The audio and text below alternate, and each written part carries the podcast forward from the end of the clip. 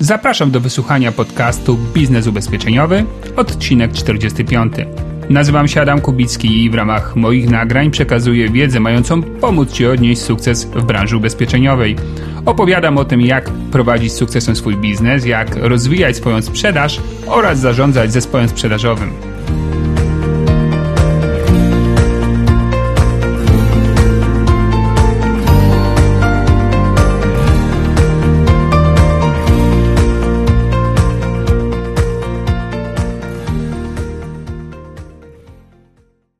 Dzień dobry, dzień dobry, witam Cię serdecznie w najnowszym odcinku podcastu, który będzie dotyczył, myślę, że rzeczy wpływającej w ogromnym stopniu na to, jak radzimy sobie w biznesie. Oczywiście mowa o dyscyplinie. Wiele osób ma ogromny potencjał, umiejętności, e, umiejętności nawiązywania relacji, w, gdzieś jakiś wysoki poziom intelektu, ale bardzo, bardzo niewiele osób e, ma odpowiedni poziom wewnętrznej dyscypliny. A niestety, wszystkie przełomowe osiągnięcia, wszystkie wyjątkowe e, efekty, ponadprzeciętne wyniki ludzi opierają się na dyscyplinie. Mówiąc wprost, osoba, która ma z tym kłopot, właściwie nie ma najmniejszych szans na osiągnięcie takiego stanu umysłu czy takiego poziomu efektów, który dawałby jej w życiu zadowolenie. Na szczęście kwestia dyscypliny jest rzeczą do wypracowania. I to jest bardzo, bardzo dobra informacja. Oczywiście na pewno pewne y, cechy osobnicze, cechy charakteru, osobowości mają wpływ na to, jak bardzo jesteśmy zdyscyplinowani. Jednakże jest to czynnik y, czy element w naszym życiu, nad którym możemy pracować i to co najważniejsze, właściwie Myślę, że każdy może zwiększyć poziom swojej dyscypliny. Dlaczego w ogóle dyscyplina jest tak ważna?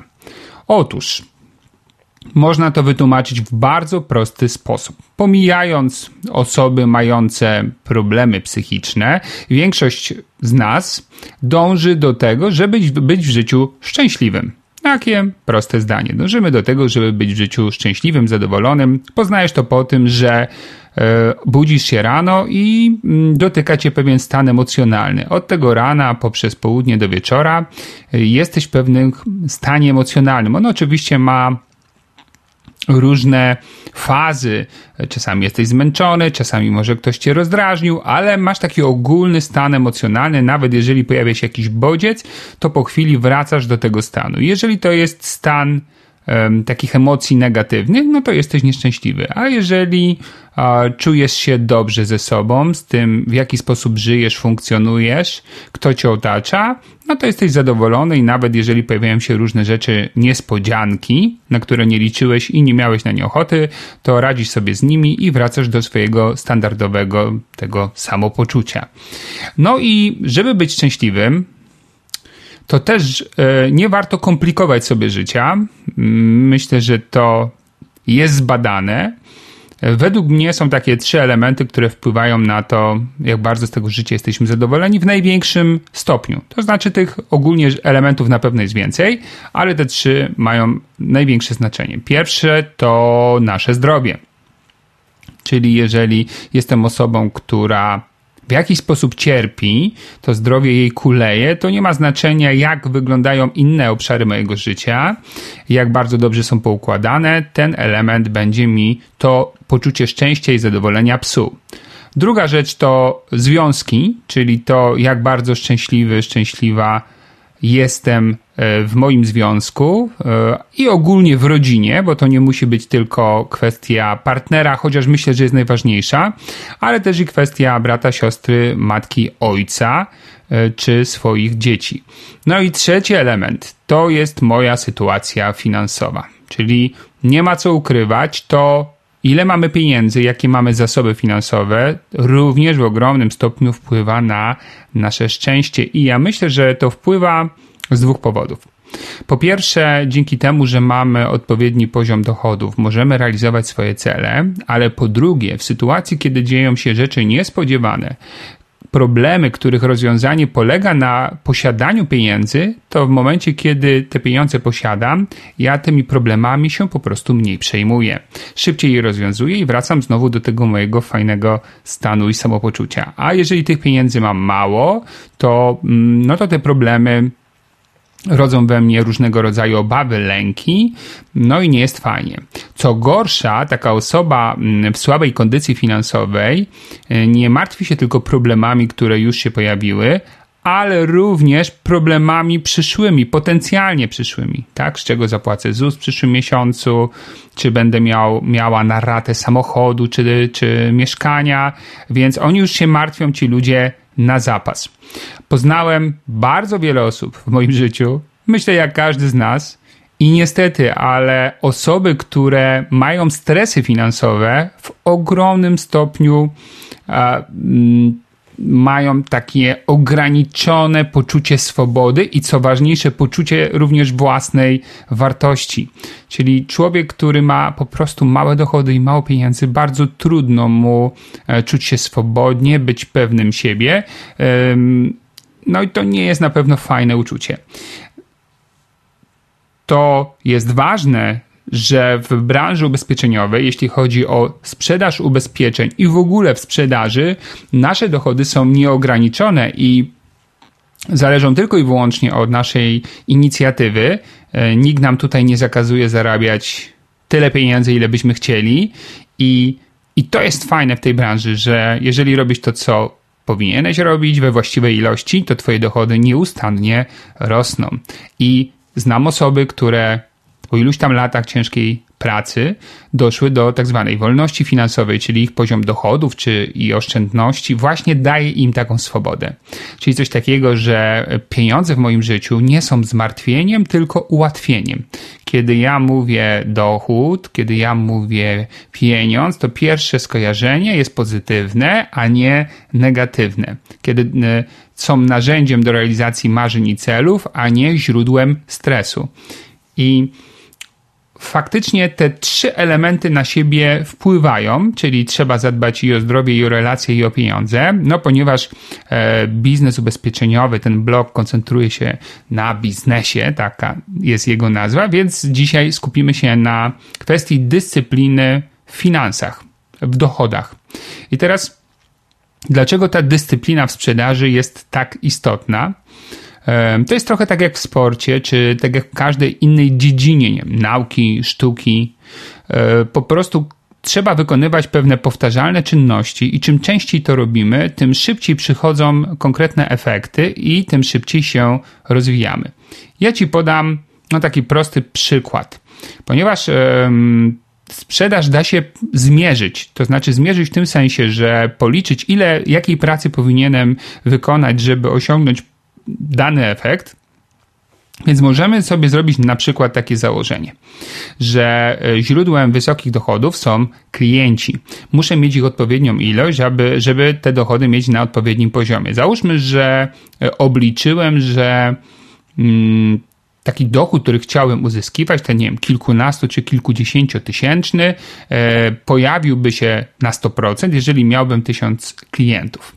I teraz chciałbym zdobyć te tysiąc klientów. Załóżmy, że żeby ich zdobyć, no muszę ich spotkać, a moja skuteczność sprzedażowa jest mniej więcej taka, że spotykam pięciu klientów, z tego rodzi się taki jeden permanentny, wierny klient. A więc jeżeli chcę zdobyć 1000 klientów, to muszę wykonać 5000 spotkań. No i teraz do tych spotkań trzeba doprowadzić, czy to będzie telefon, czy to będzie e, jakiś kontakt bezpośredni. Załóżmy, że 5 prób e, e, rodzi takie jedno sensowne spotkanie, gdzie pojawia się szansa sprzedażowa. Czyli jeżeli ja chcę zdobyć 5000 klientów, to ja muszę wykonać 25 tysięcy prób.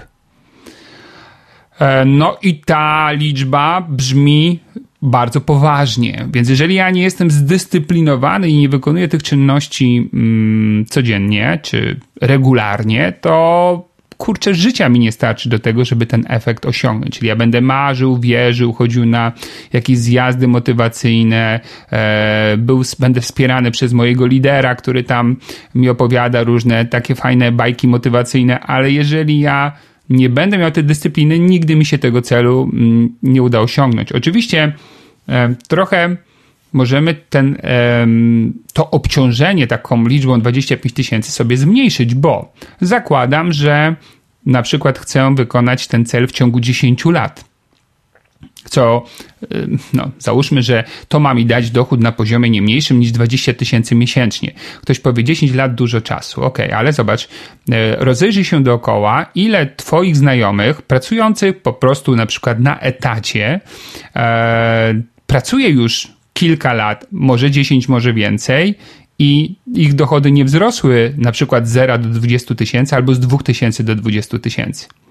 Taki przykładowo lekarz ile lat musi ten człowiek zainwestować, zaczynając od bardzo ciężkich studiów medycznych, a właściwie od liceum, gdzie się do tych studiów przygotowuje, żeby się do nie, na nie dostać.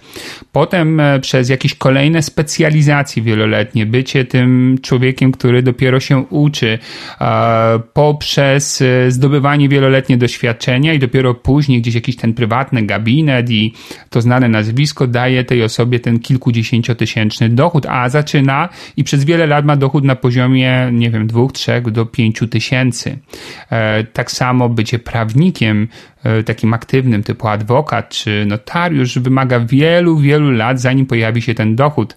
I tutaj tak samo, no 10 lat kariery zawodowej, jeżeli po 10 latach faktycznie pojawi się ten dochód na tak wysokim poziomie, uważam, że to jest mm, relatywnie krótki okres czasu.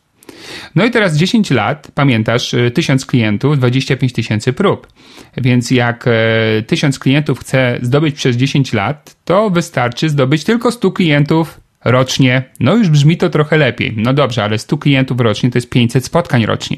Oczywiście ktoś powiada, 500 spotkań to, hmm, to półtora spotkania na dzień, ok, ale przecież nie mamy 12 miesięcy aktywnych i każdy dzień w ciągu roku nie jest e, dniem mm, pracy, więc na pewno tych e, spotkań musi być pewnie dwa lub trzy z nowym klientem każdego dnia e, lub ogólnie rzecz mówiąc 15 spotkań tygodniowo. No dobrze, jeżeli ja w tym roku muszę zrobić 500 spotkań, a 5 prób daje mi jedno spotkanie, no to wystarczy, że nawiążę 2500 kontaktów, czyli tych prób umawiania tych spotkań w jakiś sposób, żeby odbyć te 500 i żeby zdobyć tych 100. No 2500, no nie brzmi to już tak e, fajnie, takie to już łatwe się nie wydaje.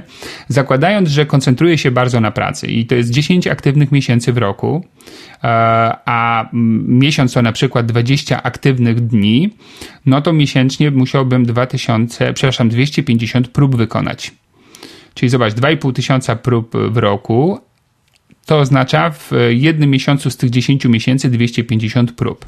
I teraz, jeżeli ja mam 20 dni aktywnych w miesiącu i podzielę te 250 na 20, no to załóżmy, że wychodzi około 13 prób dziennie. I teraz 13 prób dziennie, no to już nie brzmi jakoś dramatycznie. Załóżmy, że to są telefony, czyli wykonanie 13 telefonów dziennie. Oczywiście zakładając, że mam do kogo dzwonić, nie brzmi dramatycznie. Ale to jest dziennie, każdego dnia przez 20 dni w miesiącu. Jeżeli nie masz wysokiego poziomu dyscypliny, to również nie masz szans na taki efekt, bo po prostu w momencie, kiedy pojawią się już jakieś pierwsze spotkania, pierwsze sprzedaże, um, pierwsze jakieś obiecanki klientów, twoja motywacja na wykonywanie tej czynności będzie malała i zaczniesz odpuszczać tak długo, aż nie pojawi się jakiś problem luki w dochodach i znowu będzie spinać się na wyżyny swojej aktywności. I tak działa niestety większość naszych ludzi w branży, że działa akcyjnie, sinusoidalnie, trochę podziała, trochę nie podziała, potem znowu trochę podziała, trochę nie podziała. I cały ten dochód z górki zjadają sobie w dołku, mija rok, dwa, trzy, pięć, dziesięć i i na pewno nie mają tysiąca klientów i nie mają na przykład odpowiedniego poziomu oszczędności, e, które mogliby, nie wiem, zainwestować w nieruchomości czy w jakiekolwiek inne mądre źródła oszczędzania czy inwestowania. Więc e, ta dyscyplina, bo cały czas jesteśmy w e, tym pytaniu, dlaczego mm, dyscyplina jest taka ważna, ona jest niezbędna w sprzedaży do tego, żeby osiągnąć wysoki poziom dochodów. Jeżeli nie będę mieć dyscypliny, nie będę wykonywać codziennie odpowiednich czynności, po prostu nie mam na to szans najmniejszych. Druga ważna rzecz, dlaczego dyscyplina mm, jest nam potrzebna, to kwestia charakteru. Zdecydowanie, jeżeli pracujesz nad tym, aby być osobą e, bardziej zdyscyplinowaną, walczysz ze swoimi słabościami, z lenistwem, to e, będziesz wygrywać coraz częściej, co oznacza, że powoli będzie, uwaga, zmieniał się Twój charakter z osoby odpuszczającej na osobę walczącą do końca. I takie zmiany charakteru nie tylko widuję dookoła, ale uwaga, również widuję, czy widzę to w sobie.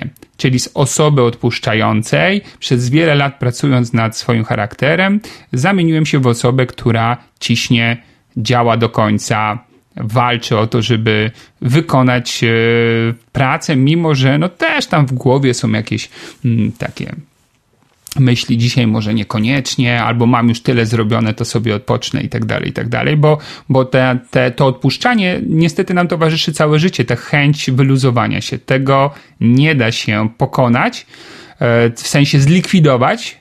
Mm, jedyne co, to możemy znaleźć sobie taki mechanizm wygrywania z tymi myślami, które i tak będą się pojawiały. Czyli statystyka, czyli zmiana charakteru. I teraz co jest istotne? W momencie, kiedy wygrywasz ze sobą i kiedy ta dyscyplina się w tobie rozwija, dzieje się bardzo ważna rzecz z Twoim charakterem. Pojawia się coraz wyższe poczucie własnej wartości. Wiele osób ma problem początkowy ze sobą samym, z samą samooceną siebie samego, z mm, tym, jak e, widzimy siebie, nie jak inni nas widzą, tylko jak my siebie widzimy. I w momencie, kiedy dbasz o dyscyplinę, osiągasz dzięki temu efekty, sukcesy będą wzmacniały Twoje poczucie własnej wartości. I teraz, co jest najfajniejsze, i to najbardziej lubię w pracy nad dyscypliną, znikają wyrzuty sumienia. Dlatego, że czym mniej odpuszczasz, tym mniej wyrzutów sumienia i takiego złego samopoczucia się tam pojawia. Ja powiem Ci takie zdanie, które kiedyś usłyszałem, powtarzam je wielokrotnie mm, i uważam je za bardzo fajne. Brzmi to tak. Bardziej zmęczeni jest, jesteśmy tym, czego nie robimy, niż tym, co wykonujemy. To znaczy, to słowo zmęczenie oznacza, że bardziej cisną nas wyrzuty sumienia, kiedy sobie coś odpuszczamy, niż e, boli zmęczenie po wykonaniu konkretnej pracy. Dalej, to zmęczenie po wykonaniu tej pracy, ono może boleć fizycznie, na przykład jeżeli to jest sport, czy trochę psychicznie możemy czuć się zmęczeni, jeżeli to jest jakaś, jakiś wysiłek intelektualny, ale to jest podszyte satysfakcją, że nam się udaje to osiągnąć i dlatego e, bardzo, bardzo ważne jest to, żeby pracować nad swoją dyscypliną. Pracę nad dyscypliną wspomaga wiedza, związana z e, właśnie pracą umysłu, właściwie, czyli dlaczego tak trudno mm, być osobą zdyscyplinowaną. Kiedy rozumiemy, z czego to się bierze, trochę łatwiej podejść do rozwiązania tego problemu. No i kwestia problemu dyscypliny łączy się właściwie z tym, co jest podstawą funkcjonowania mm, naszego mózgu, a właściwie jego części emocjonalnej. No bo oczywiście mamy tą część racjonalną i to jest jasne i oczywiste, ale mamy też część emocjonalną. I ta część emocjonalna działa w dosyć prosty sposób. Niestety sposób, który nie do końca mamy pod kontrolą. Więc y, w naszym umyśle są pewne programy, takie skojarzenia do czynności. E, czynność, którą mamy wykonać, może w kontekście emocji wiązać się z dwoma kategoriami. Albo jest to czynność dla nas przyjemna, albo jest to czynność nieprzyjemna. I teraz, jeżeli to jest, oczywiście tam są jeszcze różne skale, czyli może być bardziej przyjemna, super przyjemna, średnio przyjemna, mało przyjemna, może być w miarę neutralna, czyli nie kojarzy się ani z jakąś wielką przyjemnością, ani z jakimś wielkim stresem czy nieprzyjemnością. I tak samo kwestie nieprzyjemnych czynności gdzieś tam też są na jakiejś tam skali tej nieprzyjemności. I teraz w momencie, kiedy mamy do wykonania daną czynność, która jest pożyteczna, a jednocześnie przyjemna, to nie mamy żadnego problemu, żeby ją wykonać.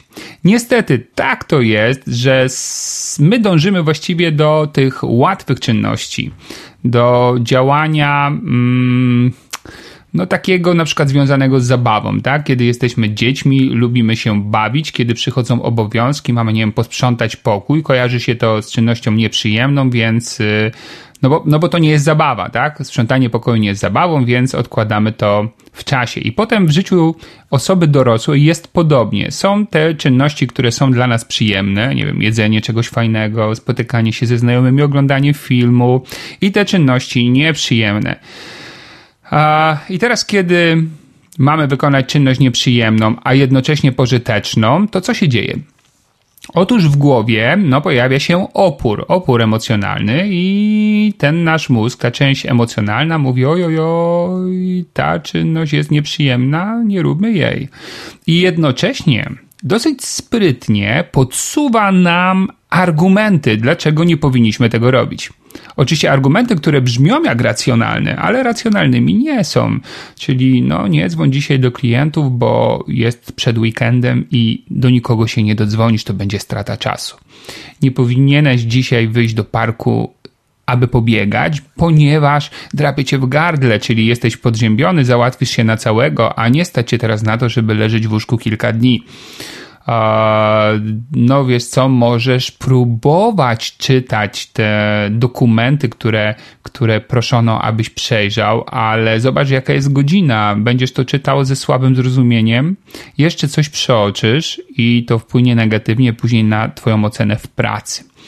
I takie niby argumenty tworzymy w dosyć łatwy sposób.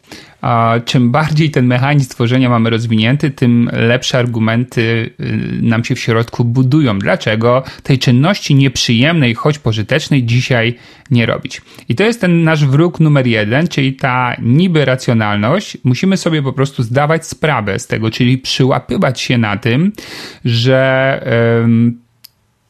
To, co teraz mówię, jest niczym innym, tylko wymówką, której celem jest po prostu uniknięcie na przykład stresu, poczucia znużenia, czyli wykonania tej czynności, która kojarzy się z jakimiś negatywnymi um, emocjami. W momencie, kiedy łapiesz się na tym, że to jest wymówka i mówisz do siebie samego, to jest wymówka, wiem, że to jest wymówka, no to oczywiście już tak łatwo um, nie połkniesz tej wymówki, tak? Już się pojawią wyrzuty sumienia, już się pojawi próba być może właśnie walki z tym mechanizmem bo z tym mechanizmem trzeba walczyć, e, trzeba go pokonać, bo jeżeli nie, to on będzie zawsze wygrywał, a ty będziesz zawsze odpuszczać. Oprócz takich momentów, w których no już strach ci odpuścić nie pozwala, bo zaniedbałeś tak te swoje ważne elementy życia, że niestety, ale są tego skutki. Także pamiętaj, e, kwestia pracy z dyscypliną to tak naprawdę kwestia pracy ze swoimi emocjami. Jeżeli chcesz być osobą zdyscyplinowaną, trzeba będzie znaleźć sposób na to, aby kontrolować swoje emocje i aby emocje nie kontrolowały twojego, twoim, twojego zachowania i twojego działania. A jak to zrobić? Oczywiście to chętnie Ci powiem, ponieważ przygotowałem dla Ciebie 10 fantastycznych, skutecznych metod e, pracy nad swoją dyscypliną. Każda z nich jest również przeze mnie przetrenowana z dobrym skutkiem, a więc można powiedzieć, że gwarantuję ich e, efekty, ich skuteczność działania. Ok, przejdźmy teraz do metod pracę nad swoją dyscypliną. Tych metod y, naprawdę można tworzyć wiele. Oczywiście nie w tym rzecz, żeby wszystko naraz wdrażać, ale mam nadzieję, że jak wymienię Ci te metody, to może jedna, dwie, maksymalnie trzy będą takimi pomysłami, które możesz od razu zastosować w swojej rzeczywistości. Zacznijmy od tego, że ogólnie dyscyplina zaczyna się od um, ustawienia sobie w życiu takich motywujących celów. I to jest w ogóle y, jakby złota zasada dyscypliny.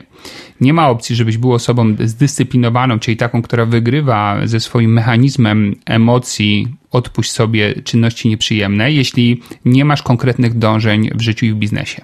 Czyli jeżeli takim jesteś typową osobą, która myśli w typowy sposób, dążyć do końca tygodnia, dobra, już trochę zarobiłem, więc mogę odpuścić, czyli nie myślisz perspektywicznie, nie planujesz swojego życia e, w takim okresie kilku czy kilkunastu lat, y, będzie, właściwie to znowu powiem, bycie osobą zdyscyplinowaną jest prawie niemożliwe.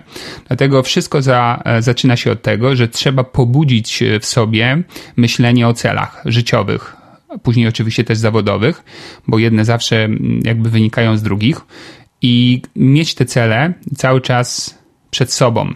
Ale i to jest chyba rzecz najtrudniejsza, bo te cele nie mogą być y, y, rzeczą wymuszoną. Aha, bo powinienem mieć cele, to teraz będę na siłę je wymyślał, tylko one no, muszą płynąć z serca, z potrzeby mm, odpowiedzi na takie pytanie, jak chcę żyć co chcę w swoim życiu zmienić mm, w stosunku do tego, jak jest, te, jak jest teraz, co chcę osiągnąć, gdzie być, co robić. Mm, te cele mogą być najróżniejsze, ale, y, ale to jest bardzo, bardzo ważne i nad tym musisz się pochylić. Bo jeśli nie masz celu, to strach sam nie wystarczy, bo wtedy strach działa tak e, faktycznie motywacyjnie. Jak się włączy, to działasz, ale tak długo jak się boisz. Jak już coś zadziałasz i, i można powiedzieć, że wydostaniesz się z jakichś większych problemów, czy unikniesz, no to znowu strach osłabnie. Jak strach osłabnie, wygra mechanizm odpuszczania. To jest trochę tak, jakbyśmy wyobrazili sobie w naszej głowie wagę. Na jednej szalce mamy chęć odpuszczania, na drugiej coś, co jeżeli nie waży więcej od tej chęci odpuszczania, to ona przeważa tą wagę mm, i po prostu odpuszczam. E, po tej drugiej stronie może być strach, ale jeżeli on przestaje mniej ważyć, to znowu waga się gibnie w drugą stronę i odpuszczę. Jeżeli mam cele długoterminowe, na których bardzo, bardzo mi zależy, no to one ważą więcej od y, chęci unikania czynności nieprzyjemnych i ważą długo, bo są na przykład celami na 10 lat, czy na 5, czy na 15, więc będzie ważył ten cel więcej dzisiaj, jutro, pojutrze i po pojutrze. I i to jest jakby no, ten najważniejszy klucz do dyscypliny, znalezienie sobie celów. Ja e, ostatnio mam kontakt z środowiskiem biegaczy, zresztą trudno nie mieć, bo coraz więcej osób biega. I no właśnie, na pewno e, znasz osoby, które próbowały biegać i sobie odpuściły. Ale jeżeli ktoś zaczyna biegać i wyznaczy sobie na przykład taki cel, że chce przebiec maraton i nawet e, nie wiem, zapisał się na ten maraton, to i już wie, że, że tam będzie, to nagle włącza mu się właśnie taka dyscyplina, bo ten cel go zaczyna motywować. Z różnych poziomów go motywuje. Trochę strachu przed tym celem, ale trochę i pragnienia jego osiągnięcia. I to jest rzecz ważna właśnie. I, I, myślę, że to jest taki najprostszy przykład e, mechanizmu motywacji opartej na celach, a co za tym idzie oczywiście włączania dyscypliny. Kolejna ważna rzecz, czy metoda, druga metoda, czy sposób budowania swojej dyscypliny, to jest metoda małych kroków. No i to jest moja ulubiona metoda, dlatego że jest w miarę emocjonalnie nieobciążająca, a małymi kropelkami buduje powoli, to jest proces wieloletni, ale powoli jednak buduje naszą samodyscyplinę. Chodzi o to, żeby pierwsze zmiany w swoim zachowaniu, działaniu oprzeć na małych krokach, na tyle małych, żeby od strony emocji nie czuć się zbytnio obciążonym. Czyli jeżeli na przykład chcesz wytworzyć sobie dyscyplinę codziennego wysiłku fizycznego, to zaczynasz od jakichś małych rzeczy, które nie są bardzo obciążające fizycznie, nie męczą, ale wykonujesz je regularnie. Oczywiście jak coś małego, nie obciążającego łatwo to, łatwiej to wykonać, łatwiej się do tego zmotywować. Jednakże powtarzając to każdego dnia, wytwarzasz e, w swoim mózgu jakieś nowe połączenie neuronowe, tworzysz nawyk i w momencie, kiedy już go masz, dużo łatwiej zwiększać ilość tego, co e, mamy wykonać. A później będzie coraz, coraz łatwiej, a później to już właściwie, jak będzie to taki prawdziwy, silny nawyk, to trudno ci będzie sobie wyobrazić życie właśnie bez e, tej aktywności. I tą metodę małych kroków, można stosować zarówno w życiu prywatnym, jak i w biznesie.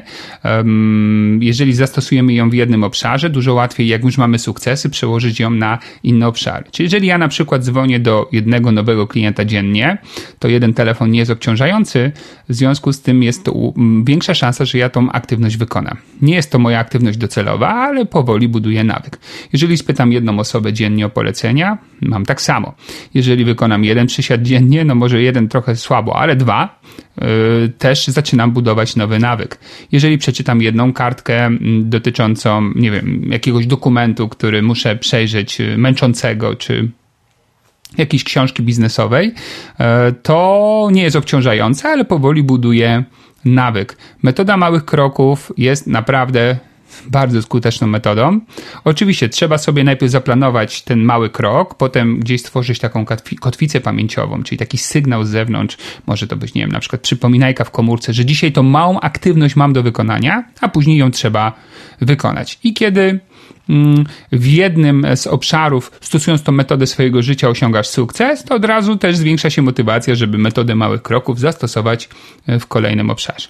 Ja na przykład metodę małych kroków e, stosowałem do nauki języka angielskiego i jednym z elementów nauki języka obcego jest osłuchiwanie się z tym językiem. Można to zrobić w łatwy sposób.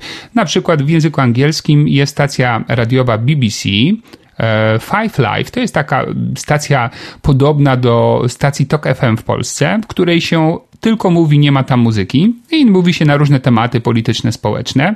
Oczywiście ten angielski to jest RP, czyli ten English, taki proper English, taki angielski wyższej klasy, można powiedzieć, nie taki uliczny.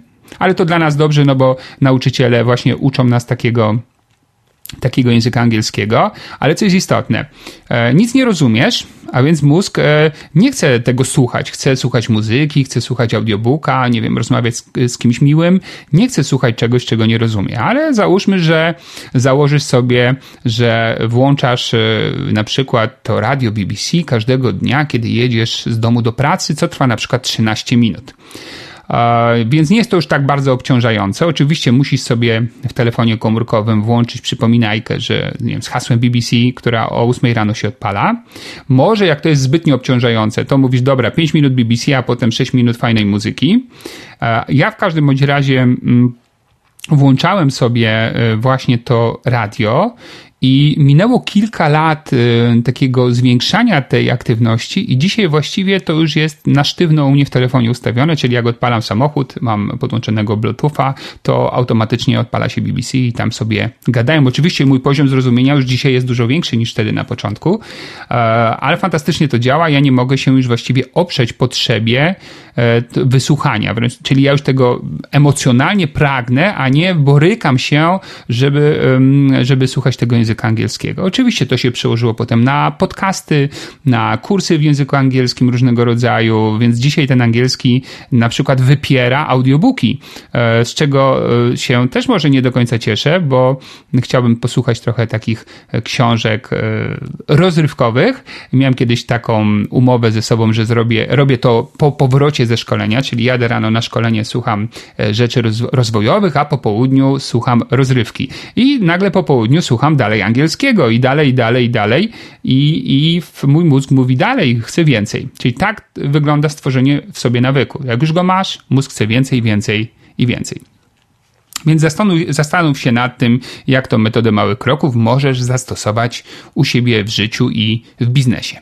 Ok, kolejna, trzecia metoda. Na początku dnia wyznaczaj trzy najważniejsze czynności. I słowo wyznaczaj oznacza na przykład napisanie tego w kalendarzu. Czyli otwierasz sobie kalendarz albo e, komórkę i wpisujesz trzy czynności, które chcesz dzisiaj wykonać, bo są bardzo ważne dla Twojego rozwoju zawodowego. Ja to robię na komórce w takiej aplikacji Reminder.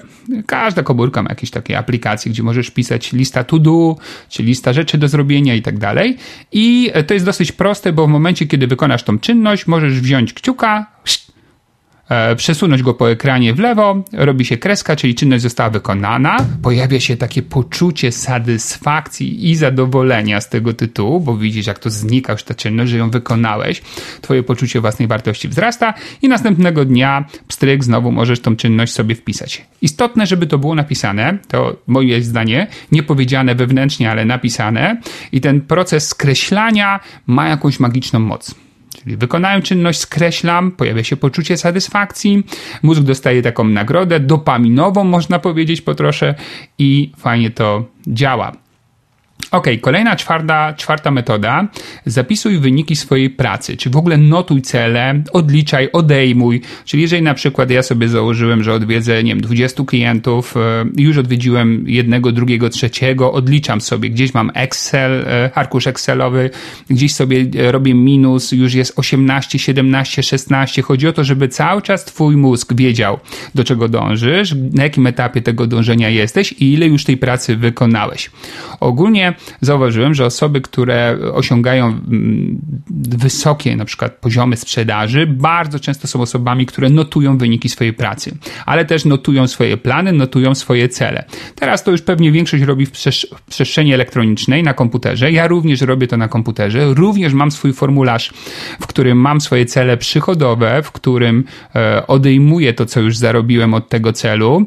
Przykład takiego formularza dla agenta mm, zawarłem w podcaście gdzie któryś z moich podcastów, można go sobie ściągnąć e, w którymś z odcinków.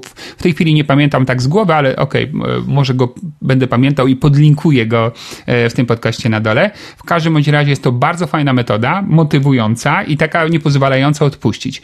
Odpuszczać właściwie. Bo w momencie, kiedy sobie odejmuję, widzę ile jeszcze mam do zrobienia, to ta porcja przede mną mnie motywuje i, i też mi przypomina o tym, że właśnie ona istnieje i muszę jeszcze tą czynność dalej wykonywać. E, no dobrze, kolejna metoda hmm, to nie jest łatwa metoda, ale być może ważna, to jest zmiana środowiska. E, więc jeżeli dookoła ciebie istnieją osoby, które odpuszczają, to będą wpływały właśnie tym sposobem myślenia o świecie również na twoje zachowanie. Ja w mojej szkole średniej w technikum elektronicznym byłem osobą wagarującą, bardzo często i bardzo dużo, ale bardzo w tych wagarach pomagał mi mój kolega Leszek, który również wagarował również tak samo dużo jak ja. I najgorsze było to, jak się razem spotkaliśmy w tramwaju. Czyli ja pamiętam, że wsiadałem rano do tramwaju, bo jechałem prawie godziny do szkoły i rano miałem postanowienie, dzisiaj do tej szkoły pójdę. Jechałem, jechałem tym tramwajem i na którymś przystanku, tam już trzecim, wpadł, wchodzi Leszek. O, cześć Leszku, cześć. No co tam, no tak. I mm, do końca tego czasu jazdy wspólnej już podejmowaliśmy decyzję, że dzisiaj do szkoły nie pójdziemy. I to nie było fajne, e, ani nie było mądre, no ale taki byłem kiedyś. E, w związku z tym, no można powiedzieć, że Leszek mi nie pomagał, a ja nie pomagałem jemu. I na tym polega e, ta zmiana środowiska. Gdybym spotykał osoby w tym tramwaju, które, nie wiem, dążą do czegoś innego, mają inne zachowanie, właśnie ekscytują się, nie wiem, lekcjami, klasówką i tak dalej, być może ich postawa nakręcałaby mnie i podejmowałbym zupełnie inne decyzje w tamtym czasie. Podobnie u ciebie, jeżeli twoje środowisko jest narzekające, pasywne, e, skupiające się na pierdołach, e, nie jest to środowisko liderów, to masz dwa wyjścia. Albo zmień środowisko, a jeśli nie masz takiej możliwości, żeby zmienić środowiska, bo, bo no, po prostu nie masz, to jest jeszcze moja druga rada, z której mm, ja sam skorzystałem, bo też nie miałem na pewnym etapie takiego środowiska w swojej pracy, działaj sam. Czyli w ogóle wyjdź ze środowiska, nie pojawia się w miejscu, kiedy, gdzie te osoby się znajdują, siedzą i po prostu działaj samodzielnie. E, z domu, z kawiarni, e, wykonuj sesje telefoniczne, nie w biurze, tylko na przykład u siebie w domu albo, nie wiem, w jakimś miejscu, w którym możesz się skupić. Po prostu unikaj osób, które będą cię wytrącały z twojej dyscypliny. I teraz, jeżeli działasz sam, no to oczywiście to też nie jest takie super fajne, więc znajdź sobie przyjaciela sztucznego, takiego nieistniejącego obok ciebie, ale który cię bodźcuje. I takim przyjacielem mogą być na przykład książki, które napisali liderzy i osoby o wysokim poziomie dyscypliny, które coś w życiu osiągnęły. I czytając tą książkę, na przykład rano przy śniadaniu, możesz się od razu nakręcać na ten dzień swojej pracy. Możesz też tą książkę mieć przy sobie, ale nie tylko. Dzisiaj masz nagrania na YouTubie, dzisiaj masz e, nagrania mm, audio, masz TEDa, e, czyli tam platformę edukacyjną, gdzie fantastyczni ludzie, nawet jeżeli nie znasz angielskiego, to jest dużo filmów e, już z takimi no, tytułami, tak, czyli tłumaczeniem na język polski, z literami pod spodem. Jest bardzo dużo narzędzi na to, żeby mm, budować swoją automotywację poprzez takie zewnętrzne bodźce, nie wynikające z takiego bezpośredniego środowiska, bo go nie masz, ale właśnie z y, tych narzędzi takich mm, audio, wideo lub książek. Więc pamiętaj, zmień środowisko, jeśli nie masz takiego, to działaj sam, e, ale jednocześnie, żeby wzmacniać swoją motywację do samodyscypliny, to to czytaj książki, które napisali ci liderzy i to jest właśnie to czytanie książek, to jest trochę tak jakby, jakby e, uzupełniający substytut. Jednocześnie, to jest kolejna metoda, znajdź jedną osobę w swoim środowisku, a jak nie w swoim, to gdziekolwiek, znajdź partnera do działania. Czyli znajdź osobę, która ma podobne podejście jak ty do rzeczywistości, też chce coś więcej w życiu osiągnąć, też dzisiaj jeszcze się boryka z różnymi problemami, ale walczy bo zauważyłem, że jeżeli z taką osobą będziesz w kooperacji, będziecie na przykład wspólnie się spotykali, rozmawiali, robili wspólnie na przykład sesje telefoniczne do klientów, odwiedzali, nie wiem, w kontakcie bezpośrednim firmy, jeżeli w ten sposób szukasz klientów, e, rozmawiali na temat efektów swojej pracy, może nawet odwiedzali tych klientów wspólnie, e, to taki partner bardzo pomaga, żeby się zmotywować. Tak jak nieraz słyszałeś, że jak ktoś ma koleżankę, kolegę, który, z którym chodzi na basen, to sam by sobie odpuszczał, ale że kolega już czeka pod blokiem, blokiem, no to wychodzi i zdecydowanie wzajemnie się nakręcają i częściej na ten basen chodzą. Także znajdź partnera, e, do działania. To jest kolejna fajna, ważna metoda pomagająca w budowaniu mm, dyscypliny. Kolejna metoda. Poinformuj najbliższych o e, swoich nowych planach. Czyli to jest takie założenie, że jak powiesz e, wszem i wobec, że od dzisiaj masz taki cel ambitny do osiągnięcia i będziesz chciał być osobą, która każdego dnia robi to i to, to istnieje szansa, że to będzie wzmacniało Twoją motywację do później wykonywania tych czynności, czyli że będziesz osobą, która będzie bardziej dbała o dyscyplinę niż zrobiła to wcześniej, no bo w oczach najbliższych, na przykład rodziny, partnera, partnerki, swoich dzieci, no byłoby niefajnie, gdyby dzieci mówiły, no i co tato, odpuszczasz? No tak, dzisiaj odpuszczam. No przecież chcesz być brylantowy, chcesz e, być tym przewodnikiem e, dla swojej rodziny, pokazywać im, e, jak się powinno funkcjonować w życiu. Więc jak im oznajmisz, od dzisiaj, kochani, przyjąłem taki cel, chcę zdobyć tysiąc klientów w ciągu 10 lat, będę każdego dnia dzwonił, robił to i tamto. Możecie mnie pytać na koniec dnia, jak mi poszło, będzie mi to na pewno pomagało. E, no dobrze. Jest też taka ciekawa metoda, kiedyś ją zastosowałem na sobie i w mojej ocenie ona działa. Mm, w roku 2000 potrzebowałem dwóch samochodów. Jeszcze nie miałem na nie, na nie jakby pełnej kwoty, ale jakąś kwotę miałem odłożoną, więc poszedłem sobie do salonu, wtedy to było Suzuki i dałem zadatek na dwa samochody do odbioru za trzy miesiące i musiałem w ciągu trzech miesięcy zarobić tyle, żeby móc te samochody kupić. I teraz ta metoda, ja ją tak nazwałem, daj zadatek, e, bardzo mi pomogła, no bo jak już ten zadatek był dany, no to bym go stracił, ale jednocześnie coś się stało w moim umyśle. Ja już podjąłem decyzję, mam cel, właściwie ja już go mentalnie zrealizowałem, teraz musiałem tylko jeszcze e, doprowadzić do tego w rzeczywistości. I faktycznie w ciągu tych trzech miesięcy się spiałem, zarobiłem odpowiednią kwotę. Więc jeżeli jest taka możliwość, e, masz jakiś cel materialny, gdzie taki zadatek, czy jakikolwiek akt działania, z którego się trudno będzie wycofać, możesz zrobić dzisiaj, to rachu ciachu i, i działaj. No i mm, taka przedostatnia rzecz, która będzie Ci pomagała w samodyscyplinie, a o której dzisiaj chcę opowiedzieć, jest związana z higienicznym trybem życia, w ogóle z trybem życia. Więc e, naukowcy zbadali, że silna wola w bardzo dużym stopniu zależy od Twojego stanu umysłu. To znaczy, jeżeli jesteś osobą, która dzisiaj jest zmęczona, to dużo łatwiej odpuszczasz. Po prostu silna wola potrzebuje silnego, jasnego umysłu i silnego organizmu, poczuć i dużej energii. Więc jeżeli nie prowadzisz higienicznego trybu życia, e, nie śpisz dobrze, chodzisz za późno spać, pijesz za dużo kawy, palisz papierosy, łykasz często alkohol, więc e, robisz wszystko, żeby mieć tą siłę, energię na niższym poziomie niż mógłbyś, to jednocześnie będzie to niestety negatywnie wpływało na Twoją samodyscyplinę. Większość osób w biznesie, które osiągają wysokie efekty, e, osiągają osiągają sukces finansowy, a które ja poznałem, e, to są osoby, które dbają o higienę swojego życia. E, bardzo często takie osoby mówią: Słuchaj, e, alkohol piję okazjonalnie, bardzo rzadko. Czemu? Bo osoba ta pracując intensywnie, gdyby dołożyła do tego alkohol, nawet wieczorem, to, to od razu raz, żeby ją uśpił, a dwa następnego dnia nie byłaby taka wydajna.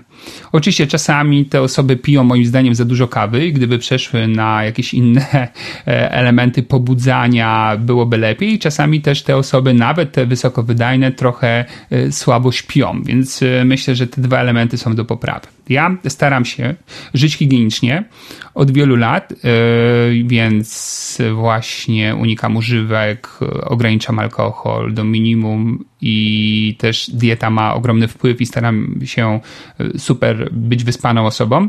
I, i w momencie, kiedy mam dzień gorszy, czyli widzę właśnie coś zaniedbałem, jestem niewyspany i tak dalej, to widzę tą różnicę. Co się dzieje w moim mózgu i jak łatwo wtedy odpuszczam. Więc zdecydowanie na pewno ma to ogromny, ogromny wpływ to, w jaki sposób funkcjonujesz, w jaki sposób żyjesz, jaki ten tryb życia masz. I ostatnia rzecz, o której chciałem powiedzieć, to hobby. Otóż, jeżeli masz kłopot z dyscypliną, znajdź hobby, które takiej dyscypliny wymaga. Chociażby to hobby bieganie, tak? Jeżeli w tym hobby bieganiu jednocześnie wyznaczę sobie cel, że chcę przebiec maraton i tam będę walczył z swoimi lękami, obawami, niechęciami, lenistwem, e, to i wygram, to automatycznie nauczę czegoś e, swój umysł i wytworzę tak taką metodę, metodologię, którą będę mógł przerzucić na inne rzeczy.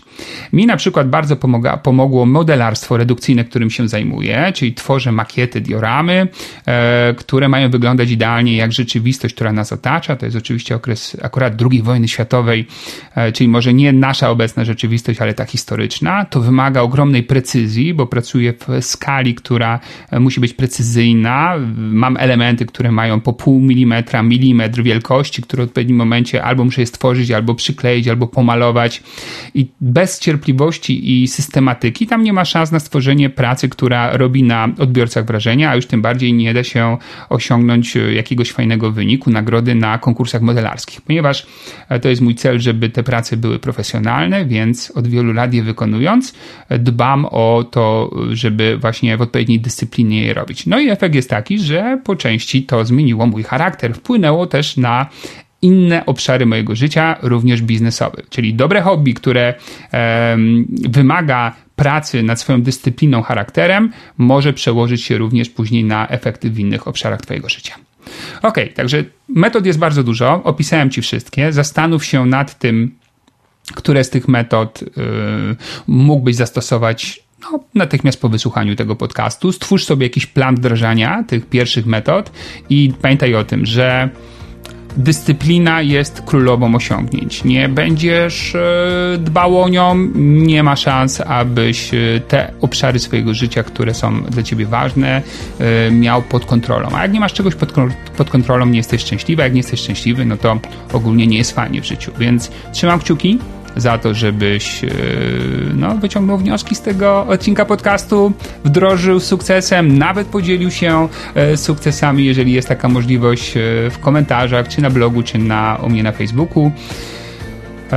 No i na dzisiaj to wszystko. Dziękuję Ci serdecznie za to, że byłeś ze mną i do usłyszenia do następnego razu.